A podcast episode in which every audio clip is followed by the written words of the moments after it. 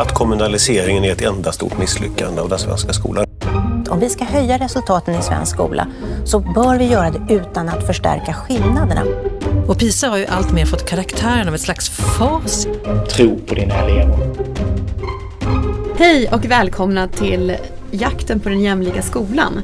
Det här är en podd som görs inom Arena Idé och den handlar om skolan och alla barns och ungas rätt till en bra utbildning och ett framtida bra liv. Jag som pratar nu heter Vesna Prekopic. Eh, det har blivit dags att knyta ihop säcken för den här podden. Vi har haft 11 avsnitt under 2017 med blandade gäster, bland annat Gustaf Fridolin, vår utbildningsminister, Anna-Kaja som är lärare, vi har haft journalisten Cecilia Garme här och, många fler. Och eh, bredvid mig idag har jag German Bender, en kollega här på Arena Idé som kommer att byta plats med mig idag i studion. Så att i detta avsnitt är det faktiskt jag som kommer bli intervjuad. Hej ja. German! Hej! Eh, jo, jag har ju varit en trogen lyssnare av den här podden och följt den. Och det känns väldigt eh, eh, intressant nu att kunna prata med dig om hur du själv ser på det som du har lärt dig och eh, kommit fram till när du har pratat med alla de här personerna. Eh, som liksom verkligen täcker över hela spektrat i, i skolvärlden. Från elever och lärare, fackliga representanter till politiker, akademiker eh, och eh, debattörer.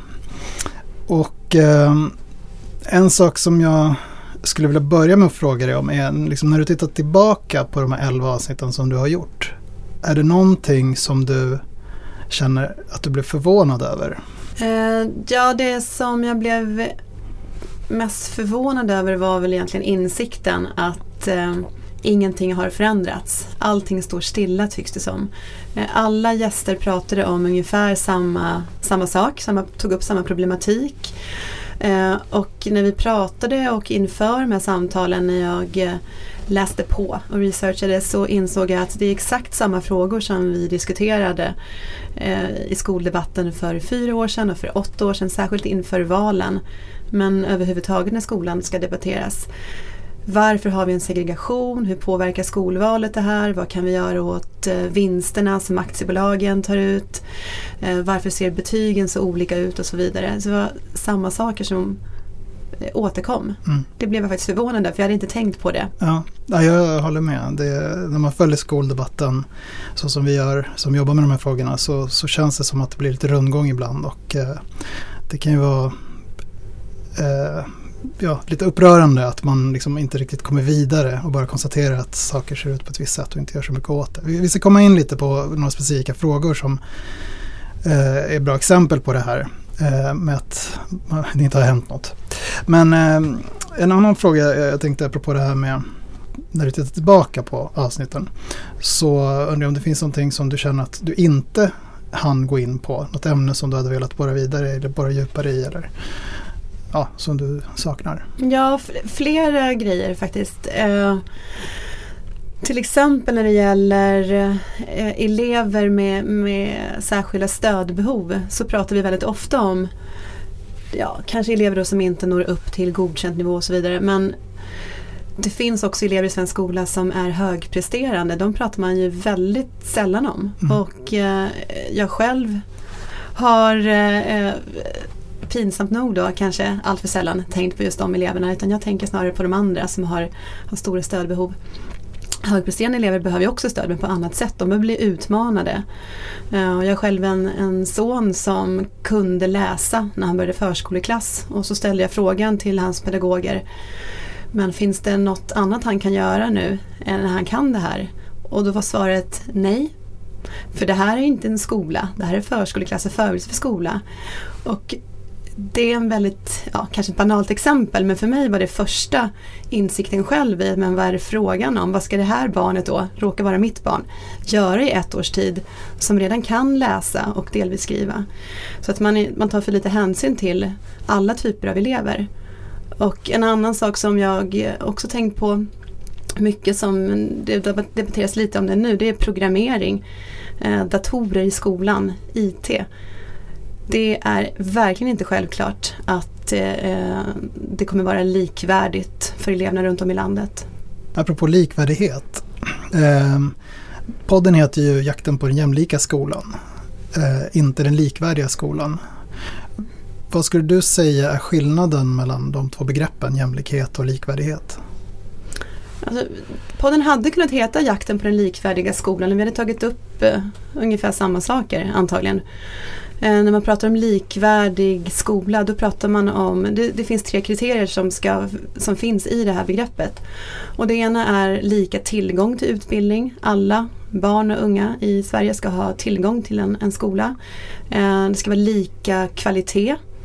Eh, så alla ska ha en bra skola, det kan inte vara vilken skola som helst. Och om man har dåliga förutsättningar hemifrån att klara skolan då har skolan ett kompensatoriskt uppdrag att se till att man kan ta till sig utbildningen. Och eh, när det uppfylls då, då, har vi en likvärdig skola. Och då vet vi att vi har ingen likvärdig skola. För det ser väldigt olika ut. Den jämlika skolan det är att, att lyfta, likvärdighet är ju en, en, vad ska vi säga, en om jämlikhet är paraplyt så är likvärdighet um, någonting som ligger där under. Jämlikhet för mig handlar om att, att se det till ett större perspektiv, att få in eh, Alltså det är en människosyn och en eh, samhällssyn på vad det är. Så att en jämlik skola eh, ska vara en plats där man då får verktyg för att klara sig senare i livet. Eh, och eh, jag har själv tänkt på de här begreppen för de debatteras, de är inte alls självklara. Vad, vad menar man, vad betyder det i praktiken? Och det jag kanske saknar lite det är väl någon slags filosofisk diskussion kring vad det här är. Eh, och om man tänker på att om jämlikhet handlar om att man ser på människor, ser på elever som lika värda. Alla har ett lika, lika stort värde. Då borde det vara självklart att skolan, all eh, skolutbildning då, eh, är lika bra. Och om det är så att vissa elever inte får en lika bra, då måste det betyda att de inte är lika värda. Mm. Och är det ett sådant samhälle vi, vi vill ha? Nej, tycker jag. Så borde vi säga. Mm. Så då måste man ha um, Man måste tänka då, vi ska ha ett jämlikt samhälle, därför ska vi ha en jämlik skola. Förstod du något av det? Ja, det, ja. Liksom, jag tänker att det handlar om att vidga frågan om skolan till ja. en samhällsfråga och inte bara en skolintern fråga. Jag kan hålla med om att skoldebatten i Sverige ofta är väldigt skolintern. Man pratar väldigt mycket om saker som bara kan eh, ros på, så att säga, eller som man bara kan komma till rätta med inom skolan eller inom skolpolitiken när skolan egentligen eh, är beroende av, av, av, saker som ligger helt utanför skol, eh, både skolverksamheten och skolpolitiken. Det finns en amerikansk eh, skoldebattör som tidigare faktiskt var rådgivare till George Bush och som hon gjorde avbön från all skolpolitik som hon hade rådgivit honom åt. Men hon heter Diane Ravitch och hon brukar säga att i USA har de inte i grunden ett skolproblem utan ett fattigdomsproblem. Och att om man kom till rätta med de problem som har med fattigdomen att göra Eh, USA är det väldigt mycket har att göra med ja, ja, ett problem som börjar likna de vi har i Sverige i och för sig. Eh, med fattigdom och socialt utanförskap och socioekonomisk utsatthet och så. Eh, kommer till rätta med fattigdomsproblemen då skulle man komma till rätta med jättemycket av de problem som finns i skolan också. Både vad gäller skolresultat men också arbetsmiljö. Eh, ja, eh, elevhälsa och massa saker som, som egentligen man inte kan rå på om man bara så att säga skruvar i skolan. Så därför tycker jag att, att diskussionen om skolan som samhällsinstitution borde vara mycket större och viktigare i Sverige än vad den är. Och en, en sak som är väldigt relevant eh, för det tycker jag, det är segregationen. Eh, diskussionen om segregation i Sverige har handlat väldigt mycket om huruvida den påverkar skolresultaten och forskningen har varit lite oenig om det. Det har varit svårt att påvisa hittills att det faktiskt har betydelse för skolresultaten i snitt. Det har mer effekten att man delar upp elever så att elever som presterar sämre går i vissa skolor och de som presterar bättre går i andra skolor. Men att resultaten i genomsnitt inte påverkas. Nu har det kommit en ny studie från Skolverket som visar att det faktiskt visst kan vara så att resultaten har börjat förändras i snitt också. Men men jag tycker ändå att diskussionen bör handla om annat än det också. Alltså det finns ju massa andra negativa effekter av segregation som har att göra med och det finns mycket forskning på det. Eh, med eh, kriminalitet, eh, vilka utbildningsval man gör efter att man blir klar med grundskolan, eh, arbetslöshet, eh, löneutveckling på lång sikt, eh, hälsoeffekter, politiskt deltagande. Det finns massa sådana saker som påverkas negativt av segregationen. Så att även om det vore så att skolan inte påverkas, skolresultaten inte påverkas, så skulle åtminstone jag säga att skolsegregationen i sig är liksom negativ av många andra skäl. Eh, och det tycker jag vi pratar för lite om i Sverige. Ja, jag håller med. Jag håller med. Allting du säger är jätteklokt och precis så. Och eh, jag tror att det är Jonas Vlacho som har lyft upp det här i Sverige en del också. Precis kring det här du nämner, att det finns andra saker som eh, man kommer åt om man bryter segregationen. Även om det är så att eh, i supersegregerade skolor så når alla elever eh, goda resultat. Har vi då lyckats med skolan? Nej, det har vi inte för det finns en massa andra saker som följer. Och nu minns jag inte namnet men jag läste någonstans om att eh, det har forskats på hur, hur boendemiljön påverkar elever, ungdomar och elever. Om vi säger då att, att man bor i ett område där det finns mycket kriminalitet, arbetslöshet, eh, kanske hårt använder ordet misär, men man ser inget bra liv bland de vuxna. Då spelar det ingen roll om du som ungdom går på en skola med bra lärare, du har läromedel, du har god mat i skolan. För att när du ser allting du har runt omkring dig, då ställer du dig själv frågan, men vad är det ens för mening för mig? att slutföra skolan med goda betyg när det är det här livet som väntar mig. För att man påverkas som barn och ungdom. Och eh, om jag skulle lägga till någonting till det du sa. När jag själv jobbade ute i, i Kista och hade elever från, eh, från Rinkeby, Tensta, Husby och, ja, andra områden där runt omkring. Så eh, jag pratade ganska mycket, kanske inte just med de här eleverna för de var 13-14 år, men med deras stora syskon och föräldrar. Det som saknas många gånger det är hopp och framtidstro. Det är det är förskräckligt tycker jag. Det är väldigt sorgligt. Uh, man kommer till en viss gräns när man inte känner hopp inför framtiden. För allting går ändå åt skogen. Det är bara att titta då runt, runt omkring sig. Mm. Och det behöver inte alltid vara så drastiskt som att, att det är skjutningar som pågår. Men just det här att man ser att man bor trångbott, mamma och pappa har inget jobb. Eh, det finns massvis med bitar som, som påverkar inställningen till vad skolan kan ge. Just det. Och, när det gäller segregationen så är det ju tyvärr inget nytt problem. Det låter ibland som om vi har upptäckt det nu. Eh, särskilt med tanke på att segregationen ändå ganska nyligen, jag menar det är bara de senaste åren som det har blivit en stor fråga i, i skoldebatten. Eh, det kom lite efter liksom hela PISA-chocken Eh, 2013 var det väl, som egentligen kom 2010 redan, men då uppmärksammades ju inte PISA lika mycket. Men då var liksom allting bara skolresultat det handlade om. Så nu har man börjat prata om skolsegregation, men eh, det har ju pågått väldigt, väldigt länge. Och jag tänkte läsa upp ett citat från en rapport som Skolverket gjorde eh, om skolsegregation. Eller egentligen var det inte om skolsegregation, men de tar upp det. Eh, och lite apropå det här du nämnde i början av podden om att eh, man blir lite beklämd över att så lite har hänt. Eh, så, så här skriver då Skolverket eh, i rapporten, apropå segregation. Citat. I invandrartäta områden finns en klar tendens att svenska elever och ambitiösa invandrarelever söker sig till skolor med ett inslag av svenska elever. Slutcitat. Och det, det är liksom någonting som vi ser jättetydligt att eh, eh, man kallar det ofta white flight. Liksom att de, det är de, de duktigaste högst presterande eleverna generellt men framförallt de eleverna som kommer från etniskt svenska medelklassfamiljer som de lämnar skolor som är, har olika typer av problem.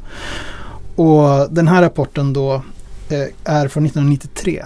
Det är alltså 25 år sedan som Skolverket konstaterade det här och det är den första utvärderingen man gjorde av den då nyligen genomförda friskolereformen som ju genomfördes av Carl Bildts regering i början av 90-talet. Och efter det så har ju Skolverket eh, konstaterat det här flera gånger. jag menar jag har tittat i lite olika rapporter de har gjort och de har konstaterat precis det här mönstret med segregation. Eh, I rapporten 96, 97, 99, 2000, 2003, 2004, 2009, 2012, 2015, 2016 och det finns säkert många andra exempel. Så det är inget nytt. Det är någonting som har påtalats av vår centrala skolmyndighet på liksom högsta nivå direkt till politiker gång på gång på gång på gång på gång. Och ändå händer det ingenting. Eller om det händer någonting så går det i fel riktning snarare. Det blir sämre och värre. Varför tror du att det är på det här viset? Varför räcker det inte med att Skolverket gång på gång på gång konstaterar och belägger och visar med statistik det här mönstret, den här utvecklingen? Varför räcker inte det för att någonting ska hända? Ja, det är en jättebra fråga. Eh, ja, jag vet inte vilken ände jag ska börja men en... Vem, vem skulle kunna göra något åt det? Om man börjar i den änden.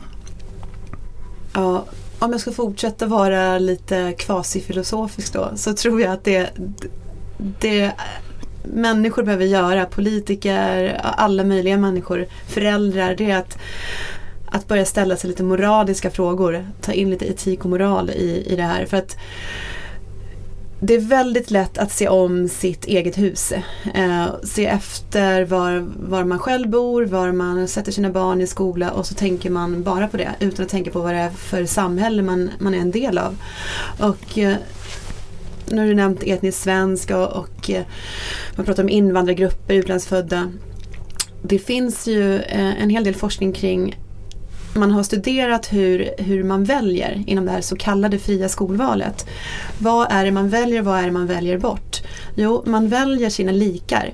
Eh, socioekonomiskt starka föräldrar de söker inte självklart efter skolor som har hög betygsstatistik eller hög lärartäthet utan man tittar på på vilken skola finns det så få invandrarbarn som möjligt om jag ska uttrycka mig väldigt krasst. Vad bra! Och så finns det någon slags procentsats där, där smärtgränsen går. Då kan mitt barn få gå där. Och det är för mig en um, jag, tyck, jag, jag, tycker att det är horribelt. Eh, och sen vilka mekanismer som finns där, att man är rädd för att ja men då om då har, det är ju fördomar och förutfattade meningar också som, som ligger i det här. Eh, och en människosyn. Och jag tror att, att eh, det behöver adresseras på något sätt. Och jag tror att politiker också behöver börja prata om det här kanske är för mycket begärt men att hela tiden koppla till det man gör i skolan till, som du själv var inne på det här med att det är en del av samhället. När vi tillåter allt det här, när vi tillåter den här sorteringen, när vi säger att ja, det är okej, fortsätt med det. Då säger det någonting om vad vi vill ha för slags samhälle. Och jag tror att, att det enda sättet att komma bort från det, det är att, att, eh, att man börjar agera, sluta prata. Utan gör saker. Så här, om man vill ha en eh, integrerad skola, en jämlik skola, det finns sätt att komma dit. Det är helt uppenbart. Eh, det finns jättemycket forskning, du nämnde ju själv så många studier här och rapporter från Skolverket. Vi har all kunskap vi behöver. Jag tror inte vi behöver fler studier eller avhandlingar, vi vet allt det här. Men det behövs fattas politiska beslut och sen självklart beroende om man är står till höger eller till vänster, man har olika ideologier på, beroende på hur man ser då på, på individens ansvar och roll och samhällets ansvar och roll i det. Men vi måste ju tror jag eh, sätta i sånt fall press på politikerna. Ni måste kunna enas om någon slags miniminivå för vad som är okej. Och det finns exempel på kommuner där man har lyckats blocköverskridande att i alla fall försöka göra någonting åt den här segregationen. Nyköping brukar man ju nämna som exempel, Gävle, Örebro där man har valt då att eh, stänga ner skolor i, eh, som Nyköping till exempel, där man stängt ner, jag minns inte exakt hur många grundskolor det var, och man start, öppnar upp en centralt belägen istället. Där ska man ha alla. Ja, problemet där är ju att det är det handlar ju kommunala skolor. Ja. Sen kan ju friskolor öppna där eftersom de får göra det helt fritt. Absolut. Och så snor de till sig de eleverna. Så liksom, Absolut. Liksom, vill man komma åt segregationen med politiska förslag då måste man liksom Okej, man måste ju börja någonstans men i någon mening måste man också ta ett helhetsgrepp. För att skruvar man i en del av systemet så kan en annan del av systemet göra att segregationen ändå eh, så att säga håller i sig. Ja, jag håller med och jag, jag, jag har tänkt mycket på det där. Uh, men eftersom ingenting händer, jag tror att kanske, jag gissar bara nu, kanske kan en förklaring till att ingenting händer vara att man väntar på den, den optimala lösningen. vi väntar tills vi kommer på ett förslag där vi kan få in alla de här bitarna på en och samma gång. För det är ingen mening med att dutta lite.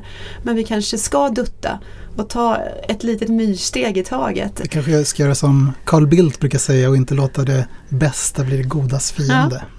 Det är bättre att göra någonting liksom, än att inte göra något alls för att man inte har den bästa lösningen. Ja, jag tror det. Därför att annars gör man ju ingenting. Mm. Så om, om, valet står mellan att göra någonting och hoppas på det bästa till att inte göra någonting och vänta på att vi ska komma på en superlösning. Då är det klart att det är bättre att göra något litet. Ja. Jag, jag, tänker att man skulle kunna se det lite grann som, som klimatfrågan. Att om man har ett system där huvuddelen av arbetet eller huvuddelen av liksom förändringen är upp till individen själv då är det väldigt svårt att åstadkomma någonting. Särskilt om det innebär att du måste göra ett val som är negativt för dig själv. I det här konkreta fallet då med skolsegregationen så kan det handla om att okay, jag som medelklassutbild, välutbildad medelklassförälder i ett eh, liksom bättre bostadsområde, jag måste välja att sätta mina barn i en skola där jag egentligen inte vill att de ska gå. För att göra min insats i att bryta skolsegregationen. Det är kanske inte många föräldrar som vill göra det. Jag tror faktiskt att det finns föräldrar som gör det. Men eh, det är ovanligt eh, och det kanske är för mycket att kräva. Och då är det bättre att rigga systemen så att man inte eh, helst inte kan välja på ett sätt som förstärker segregationen men åtminstone så att man gör det svårare. Och där finns det, det Nobelprisbelönad ekonomiforskning nyligen som handlar om så nudging. Att man ska liksom rigga system som gör att man puttas lite i så att säga rätt riktning. Sen kommer det bli politiska diskussioner om vad som är rätt riktning förstås. Men kan man enas någorlunda om det, då skulle man kunna liksom rigga sådana system. Och det finns svenska forskare vet jag som håller på att titta på hur man skulle kunna förändra skolvalet på ett sätt som vi föräldrar som väljer inte riktigt märker. Men som leder till bättre outcomes. Så att säga. Så om man ser skolvalet som en svart låda eller en motorhuv så liksom skruvar man i den. Och folk vet inte riktigt vad det man har gjort. Men folk väljer på samma sätt och utfallet blir annorlunda. Därför att man har olika typer av kvoter och viktningar och så i urvalssystemet. Så och det är någonting som jag tycker politikerna skulle kunna titta på. Ja, och precis det där har jag då eh, frågat mig på sistone, särskilt mycket på sistone. Varför gör man inte det? Varför testar man inte det i Sverige? Ja. Det finns andra exempel. Vad, vad tror du? Är vi för fega här? Alltså Jonas Vlachos var ju inne på det lite i en av poddarna. Eh, och han sa en del saker som jag tycker var så förvånansvärt eh, eh uppriktiga och krassa. Eh, men det kanske är lättare för forskare att göra det eftersom de upplever att de uttalar sig utifrån forskningen bara. Det är liksom inte värderat på något sätt. Men han sa att vi har ett system där om man gör förändringar som leder till minskad segregation, då missgynnas vissa grupper. Eh, de grupperna är dels många av väljarna som de politiker som, som kan göra någonting åt det här eh, vill tilltala. Men dels också politikerna själva. Men politikerna är ju själva ofta övre medelklass och har barn i de här områdena och så. Och det är väldigt krast så att de själva och deras väljare eh, kan missgynnas på det här, åtminstone i, i ett kort perspektiv och ett snävt perspektiv. Men har man ett större samhällsintresse för ögonen och vill liksom ett större väl så att säga, då, då blir bilden en annan. Tror jag. Men, men jag tror att det är en viktig förklaring. Alltså att man inte vill stöta sig med vissa väljargrupper och att man rent krasst ser till sitt eget intresse. Ja. Tyvärr. Men det kanske är dit diskussionen bör ja, men, leda? Ja, men Jonas Lachos nämnde också, eh, för att jag kan också bara kort säga att idag har vi haft ett seminarium där vi har presenterat en rapport, vi ska gå in på det också, där du sammanfattar alla de här poddarna. Och på det seminariet så sa Jonas Lachos också att när man genomförde enhetsskolan eh, då innebar det också, det finns studier som visar det, att eh, de mest privilegierade grupperna missgynnades. Men ändå gjorde man det här. Därför att man såg till ett större bästa. Eh, så det finns exempel på när politiken har gjort saker som har missgynnat de som har mest makt i samhället. Eh, så att, och det finns ju massa andra exempel på andra områden. Så här, hela skattepolitiken är liksom delvis ett sånt område. Så att det går ju att göra saker som, som går emot vissa grupper och så. Men det kräver stort politiskt mod. Och jag tror att ett sätt att försöka göra det kan vara lite mer sådana tekniska förändringar som att skruva i hur sko skolvalet är konstruerat. Eh, som inte riktigt syns för folk i allmänhet. Så att man säger att ja, vi har fortfarande ett skolval så vi bara förändrar hur det går till. För det är redan så idag att skolvalet, jag tror att du var inne på det lite när du sa det så kallat fria skolvalet. Det är ju inte fritt. Alltså det är fritt i den meningen att du får välja vad du vill. Men du, du är långt ifrån garanterad att få det val du har, du har gjort. Och det ser olika ut i olika kommuner hur man blir fördelad en skolplats och så. Så det finns egentligen inte ens ett skolval utan ja, massa olika sätt. Så att, att förändra det borde inte vara något konstigt. Det är ju redan idag så att det går till på olika sätt och det finns redan idag regler för hur man gör. Så, här, så att, eh, jag, jag, kan tycka att de här tekniska vägarna borde vara ett sätt att, att komma fram. Jag tror också att det är ett bra sätt för jag tror att eh, det, har gått, Eh, det har gått för lång tid för att ta bort skolvalet helt. Det finns ju vissa som, som vill det eh, och som argumenterar för det men jag tror att det är eh, eh, nästan lönlöst att eh, kämpa för det. Därför att eh, vi har vant oss vid att välja. Och sen kan man diskutera om vi verkligen väljer på riktigt hit och dit. Men jag kommer att tänka på det här avsnittet med elevorganisationerna Julia Lind och Lina Hultqvist när jag ställde frågan till dem, jag minns inte exakt ordagrant, men eh, jag ställde frågan till dem hur de såg på den, här, på den segregerade skolan, om det var ett problem, om de såg det som ett problem, eftersom det är så man pratar i övrigt i skoldebatten. Och eh, det gjorde de ju inte riktigt på samma sätt. Och apropå skolval då så eh, jag uppfattade dem båda som att, att det ändå var viktigt att man skulle få behålla skolvalet. Eh, för då har man sin chans att få välja efter intressen och var man vill gå med sina kompisar och så vidare. Och även bortsett från elevorganisationens åsikter så tror jag att det, apropå politiker och väljarsympatier och vad väljarna tycker, det parti som skulle gå ut nu 2018 har som valfråga. Vi tänker ta bort det fria skolvalet. Det partiet är ju, är ju dömt till eh, att gå under skulle jag vilja säga. Men däremot om man hittar de här små fiffiga lösningarna som du är inne på, tekniska eh, detaljer som man kan vara, liksom, sitta och trixa med. En annan sak som jag tror även Jonas Vlachos tog upp i podden det var ju det här med upptagningsområden. Eh, det kanske inte har något med skolval att göra i, i sig men det finns ett eh, där man skulle kunna man skulle kunna påverka hur det ser ut på skolorna. Man skulle kunna blanda dem. Nyköping igen, det här exemplet när man väljer att ha en central skola. Men att, att något måste göras, det, det tycker jag är helt uppenbart och det tror jag alla partier ändå är överens om. Att skolvalet, man kan tycka att det är bra eller dåligt men jag tror inte att någon skulle motsäga eh, uppfattningen att det, det påverkar segregationen. Mm. Ja, och eh, ett problem där tror jag när det gäller det du sa så här, om ett parti skulle gå till val på att eh, avskaffa skolvalet. Det skulle ju inte funka och inget parti skulle våga göra det. Problemet är att debatten är ibland så, jag vill säga vulgär, att, och medvetet så, att eh, om ett parti istället gick till val på att säga så här, vi vill minska skolsegregationen. Och så sättet man vill göra det på var att förändra skolvalet man, men man sa inte det utan man sa det man vill åstadkomma istället för att säga vi vill förändra skolvalet. Då skulle, och låt säga till exempel att Socialdemokraterna skulle göra det, hypotetiskt. Eh, då skulle ju förmodligen, eh, ja, andra partier gå ut och säga så här, de vill avskaffa det fria skolvalet. Och det är ju inte så, det är inte det som är frågan. Men man skulle direkt vulgarisera debatten på det sättet för att slå ner det förslaget. Och när vi har en sån debatt då är det liksom ännu svårare att faktiskt åstadkomma förändringar. Ett konkret, det här var ju ett hypotetiskt exempel men det finns ett konkret exempel på det.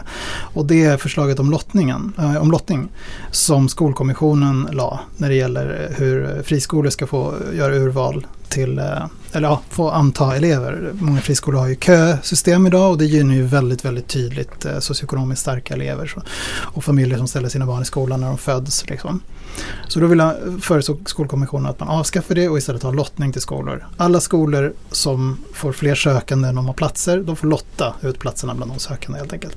Och då blev det ett ramaskri och eh, eh, Tobias Krantz som var Svenskt Näringslivs eh, eh representant i Skolkommissionen skrev en reservation i Skolkommissionen och vägrade gå med på det förslaget och sen gick Friskolornas riksförbund ut och alla borgerliga partier och så här. Och det som liksom, det, man, det man påstod var att, och det man fick folk att tro, det var att man kommer bara lotta elever hit och dit. Du, du vet inte vilken skola ditt barn kommer hamna i. Det kan hamna precis var som helst. Du, och så är det ju liksom inte. Det, det som hände var att, eller det som föreslogs var att man skulle bli lottad bland alla elever till de skolor man har sökt. Så man skulle hamna på någon av de skolorna man hade sökt. Så det vet man ju. Däremot visste man inte vilken. Eh, men det gäller också alla andra som söker, så det är ju lika för alla. Det är inte så att så här, du kan hamna i vilken skola som helst i hela Stockholm, det vet du inte. Men det var lite den bilden som folk i allmänhet fick. Man såg det i intervjuer som olika nyhetsmedier gjorde med folk på gatan och sådär. Och då var det folk som sa så, så jag, nej jag vill inte att mitt barn ska bli lottad till någon skola. Nej det är klart inte, det vill man ju inte. Men det var inte heller det som var frågan. Och det gjorde att regeringen inte vågade köra det förslaget så Gustav Fridolin la det i papperskorgen. Och all forskning, alla forskare tycker att det är ett bra förslag. Det är liksom ingen som helst oenighet inom forskningen om det, vilket borde göra det till en opolitisk fråga.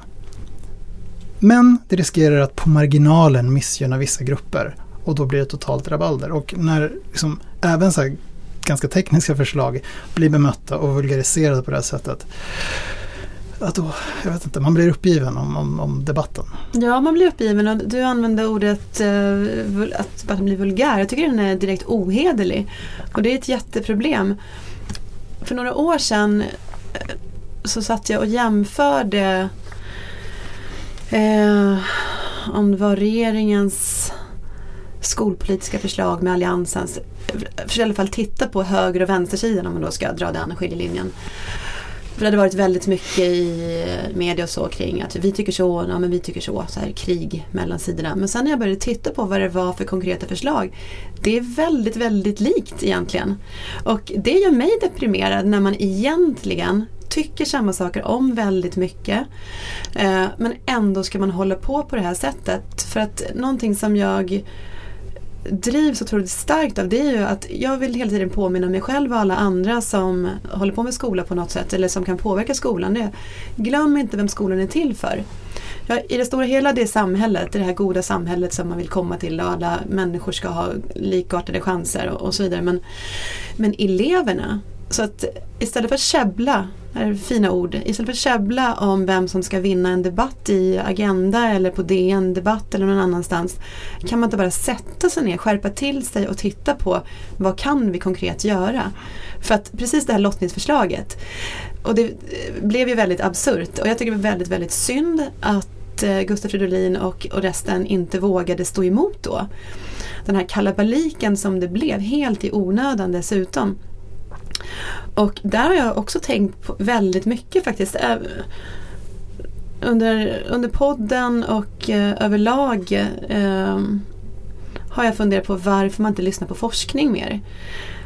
Forskare är, de sitter inne med ganska mycket svar. Det finns en anledning till att de forskar. Och eh, eh, skulle jag önska, få ha en liten önskelista på saker som jag skulle vilja ha inför det här skolvalet. Det är att, att det sätter sig ett gäng kloka forskare som är intresserade av skolfrågor. Jonas Vlacho som du nämnde är en sån person. Eh, Åsa Hansson som vi också pratar med idag. Det finns massvis med, med kloka människor. De vet saker. Och även om det inom forskningen såklart finns två sidor av, eh, av samma mynt så tror jag absolut att det skulle kunna komma fram konkreta eh, förslag. Konkreta förslag som man skulle kunna göra till, till politiska sakfrågor då in, inom skolan. Och tänk att kunna säga då till väljarna nu kommer vi föreslå det här. Eh, och i ryggen har vi eh, hundra av Sveriges främsta forskare inom det här området. De säger att vi borde göra på det här sättet. Därför vill vi göra det här, inte för att locka till oss populistiska röster. Så att, eh, ja. Apropå listor och eh, förslag så har du en sån lista i din rapport som jag nämnde förut. Du har ja. ju skrivit en rapport som heter Jakten på den jämlika skolan, precis som podden. Eh, och där du sammanfattar kan man säga det som har kommit fram under de här elva poddavsnitten. Eh, och det är tio förslag då som inte liksom strikt följer poddarna men som tar upp eh, en rad av bland annat de här frågorna som vi har pratat om idag. Jag tänkte bara dra de frågorna lite snabbt här, rakt upp och ner och sen kanske vi kan gå in på någon eller några av dem. Eh, så de är som följer, i, inte i någon slags prioriteringsordning då. 1. Eh, låt staten styra pengarna. 2. Få bort marknaden från skolan. 3. Ta bort aktiebolagen som skolhuvudmän. 4. Slopa etableringsrätten för friskolor. 5. Gör betygen rättssäkra och likvärdiga. 6. Kön ska inte spela roll för att lyckas. 7. Integrera nyanlända elever. 8. Bryt den pedagogiska segregationen. 9. Läraryrket måste åter bli ett högstatusyrke. Och 10. Stärk elevhälsan. Så det här är 10 punkter som skulle kunna vara något slags programförklaring eh, för att göra skolan mer jämlik. Finns det någon eller några av de här punkterna som vi kan dela upp den här frågan i två delar. Det ena är, finns det någon punkt som du tror är liksom praktiskt och realistiskt genomförbar i närtid? Det vill säga att det rent konkret går att göra, att det finns resurser, att det finns politisk enighet. Och finns det några frågor som, om du fick drömma fritt, du tycker vore viktigast att genomföra? Vi kan börja med, Ja. finns det punkter som du tror går att genomföra? Eh, ja, det finns det. Eh, jag tycker att den, den viktigaste frågan det är ju lärarsituationen. Och eh, Hur, vad menar du med lärarsituationen? alltså att det, pedagogisk segregation som Åsa Hansson pratar om som också hänger ihop med att det saknas lärare. Eh, jag kommer inte ihåg nu, 73 000 lärare saknas Ja. om ett par år. Jag kan bara flika in för att för, vissa förstår inte alltid vad man Nej. menar med att det saknas lärare. Det betyder ju inte att det inte står någon lärare i klassrummet utan att den som står där inte är behörig i det ämnet.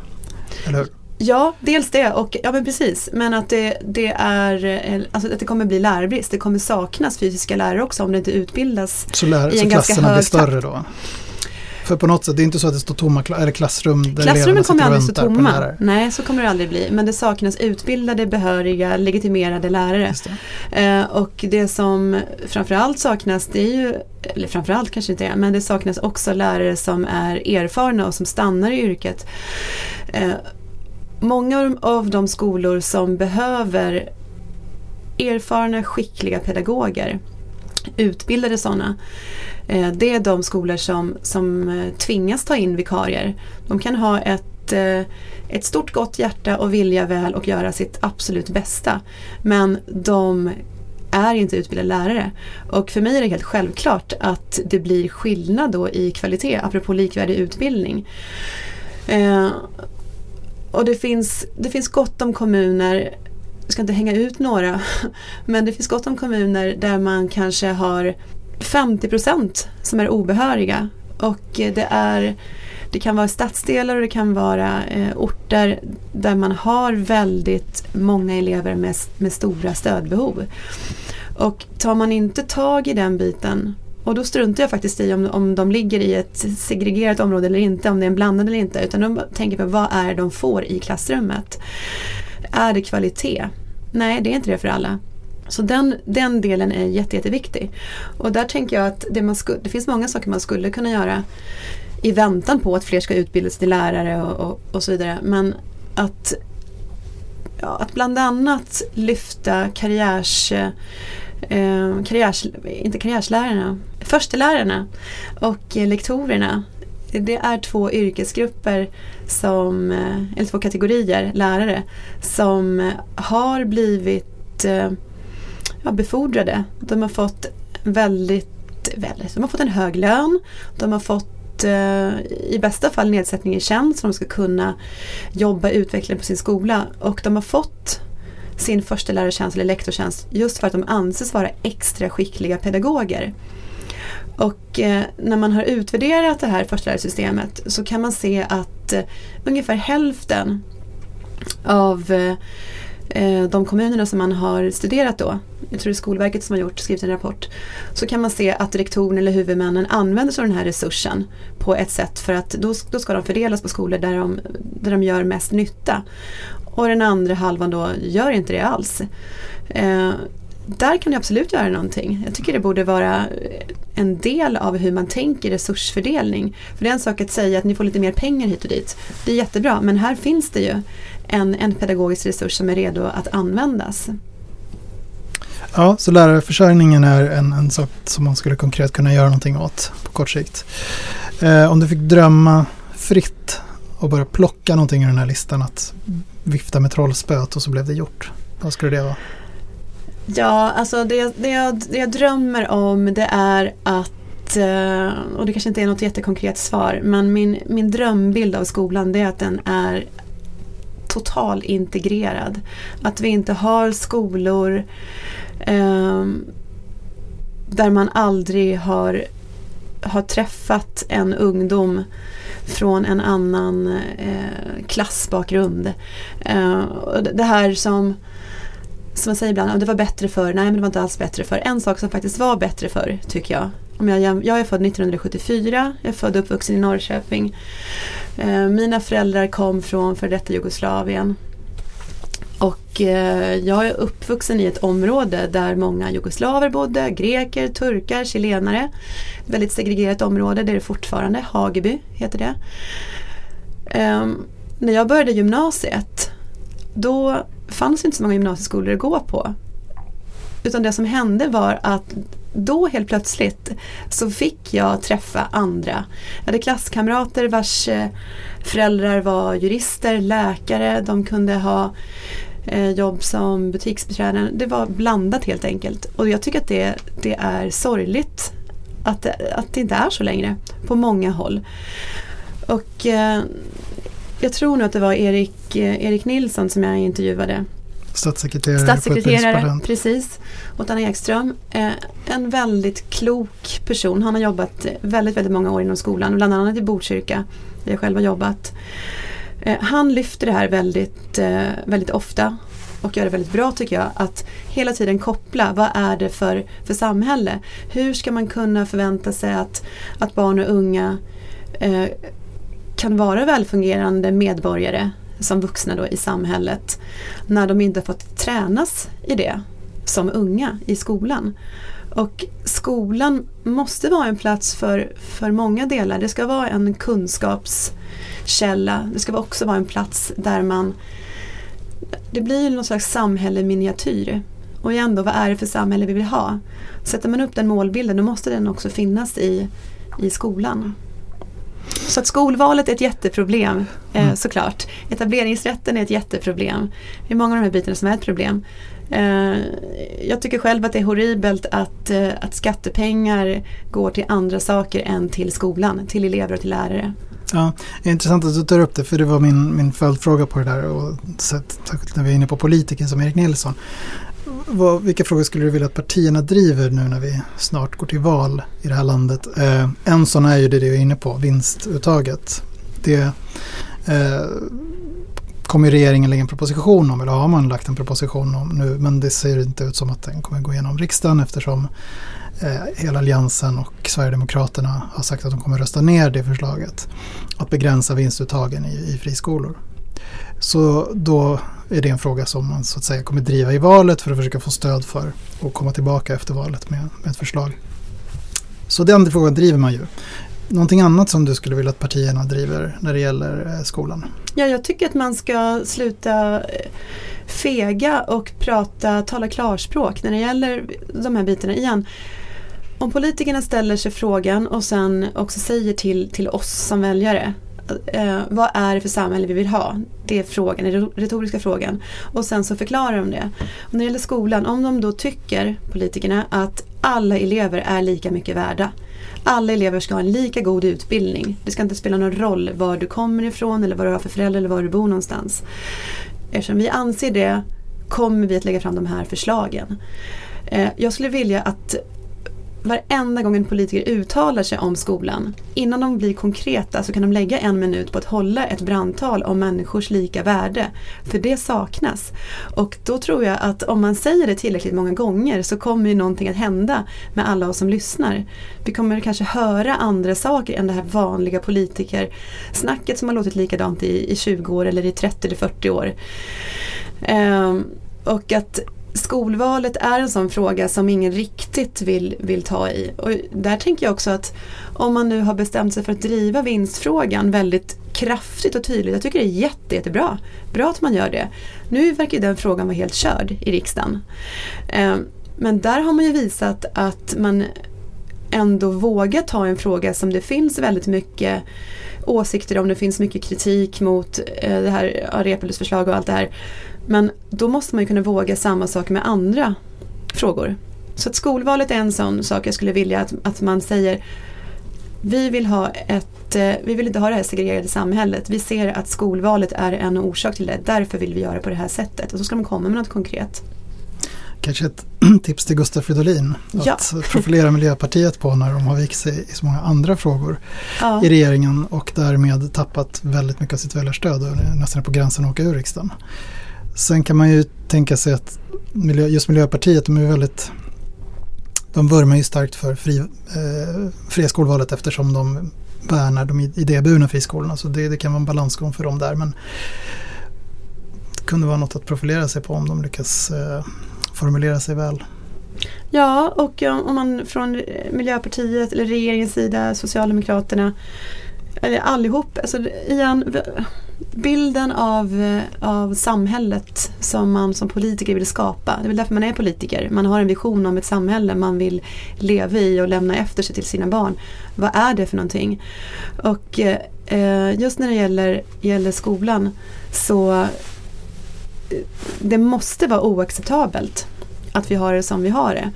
Och även om vi har sagt det då i alla dessa år, någon gång måste man ju börja agera också. Och igen då, hellre då ett litet, litet steg än ingenting alls.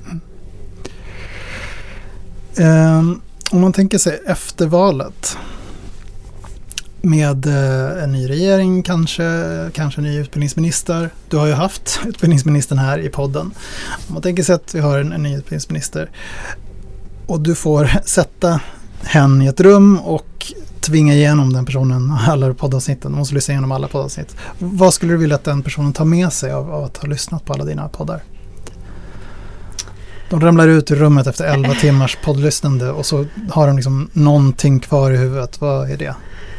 Då skulle jag nog vilja att de eh, tar med sig det eh, Lina Hultqvist och Julia Lind pratade mycket om. Eh, Det är att eh, eleverna i Sverige mår, mår inte bra. Alltså elevhälsan och där har ju på tal om Gustav Fridolin, Miljöpartiet och eh, utbildningsministern varit eh, framåt och tryckt på och visat att det här, här är viktigt. Men det, det räcker inte. Och där tänker jag att eh, det är alltid en fråga är det bra eller inte att lagstadga om, om saker och ting när det gäller skolan? Vad, vad ska vara upp till varje skola att bestämma själv eller varje huvudman eller varje kommun då? Och vad ska, ska staten bestämma? Men någonting det är lätt att det blir galet, apropå likvärdighet, när man kan eh, definiera ordet tillgänglighet på så väldigt olika sätt. Eh, om man nu ska ha tillgång till en, en elevhälsa, precis som du ska ha tillgång till ett skolbibliotek, då kan det betyda väldigt olika saker. Eh, och skolbibliotek det är också en sån sak som jag gärna hade pratat om faktiskt, skolbibliotekens roll. Men när det gäller just elevhälsan, för båda två, både Julia och Lina lyfte elevhälsan flera gånger. Och att eh, man behöver ha mycket, mycket mer resurser. Och tittar man på Skolinspektionsrapporter så det är skolor som får, de skolor som får kritik från Skolinspektionen eh, när det handlar om eh, ja, där elevhälsan då eh, nämns, då handlar det ju om att kanske inte alltid att den inte finns utan att den, den jobbar inte förebyggande. Den jobbar åtgärden. Man hoppar in när någonting har hänt. Man tar hand om eh, om det har pågått mobbing eller någonting. Men det här förebyggande arbetet, det saknas. Men för att det ska kunna finnas ett förebyggande arbete då måste det finnas personal på plats på skolan. Och det kan man ju tänka sig själv då. De de är i, det gäller både grundskolan men kanske särskilt på, på gymnasiet, åtminstone högstadiet också.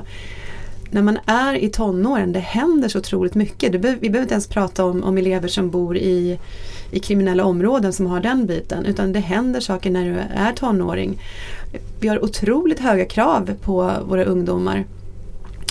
Och att jobba då som ensam kurator på en skola med, även om 500 elever verkar vara ganska bra, eh, så låter det ju märkligt att en kurator på 500 elever ska kunna jobba på ett förebyggande vis. Det är inte alla elevhälsor som är fullt utbyggda. Att man har eh, kurator, skolsköterska, specialpedagog, skolpsykolog, skolläkare. Och de bitarna önskar jag att man tog lite mer på allvar. För att hälsan och skolresultaten, måluppfyllelsen, eh, de, det är klart att de hänger ihop.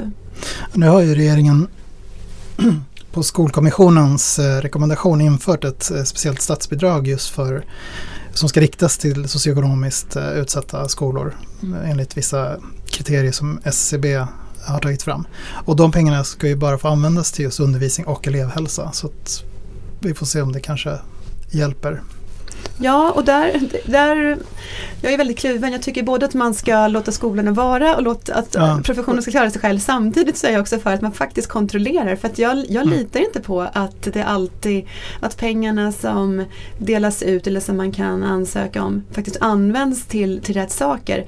Och inte av någon slags illvilja, att man, man stoppar dem i en påse och så har man dem till fika eller någonting. Utan mer att man faktiskt kanske inte riktigt vet. Man gissar eh, vad som är bra att göra. Och en, en sak som, som jag vet görs på, på många skolor Kanske för att det är billigare eller för att det inte finns något annat. Det är att man, man kanske fyller skolan med eh, kloka vuxna, kan vara ungdomar. Sen kan man kalla dem lite vad man vill. De kan vara skolvärdar eller, eller något annat. Och så tänker man att ja, men det är bra, vi behöver lite lugn. Eh, de här vuxna kommer skapa lugn här på skolan. Men om de är helt outbildade det är inte så självklart och ändå kostar de pengar. Istället för, då för att kanske satsa på att få in socialpedagoger eller, eller andra yrkeskategorier som, som faktiskt vet vad de håller på med. Och en, en sak som man ibland läser om också kan vara tidigare struliga eh, elever, nu är de vuxna och skötsamma. Det är inte självklart att det är de som kommer få eleverna upp på banan utan att man använder pengarna till, till rätt saker lät jag kanske onödigt negativ här och kritisk. Men det, det finns ju gott om pengar. Mm. Eh, det finns pengar att söka. Det finns eh, stora satsningar på gång i flera år framöver. Jag är bara rädd att de pengarna ska, ska pumpas ut och sen så vet man inte riktigt vad det är man håller på med, vad man använder pengarna till. Ja, nej, men så är det ju absolut. Även om det behövs pengar till saker alltid så, så är inte det ett stort problem i den svenska skolan. Det visar ju mycket internationella studier också. Jag vill tacka för att jag fick eh, vara med här och eh, ställa frågor till dig den här gången. Eh, tack själv. Tack för en fantastisk poddserie med massa viktiga insikter och eh, intressanta intervjuer. Och för en jätteintressant rapport. Eh, jag kan uppmana er som lyssnar att ladda ner den om ni vill ha mer av eh, skol poddkunskaper. Mycket citat från podden och så finns i rapporten och väldigt mycket forskningsreferenser och sådär. Väldigt intressant eh, rapport. Går att ladda ner från arenaidé.se. Eh, man kommer också kunna se slutseminariet där mycket av de här frågorna diskuterades på SVT eh, i SVT Forum eh, på nätet. Så gör gärna det och eh, hör av er till oss om ni har frågor eller synpunkter. Ni hittar mejladresser på hemsidan. Tack! Tack!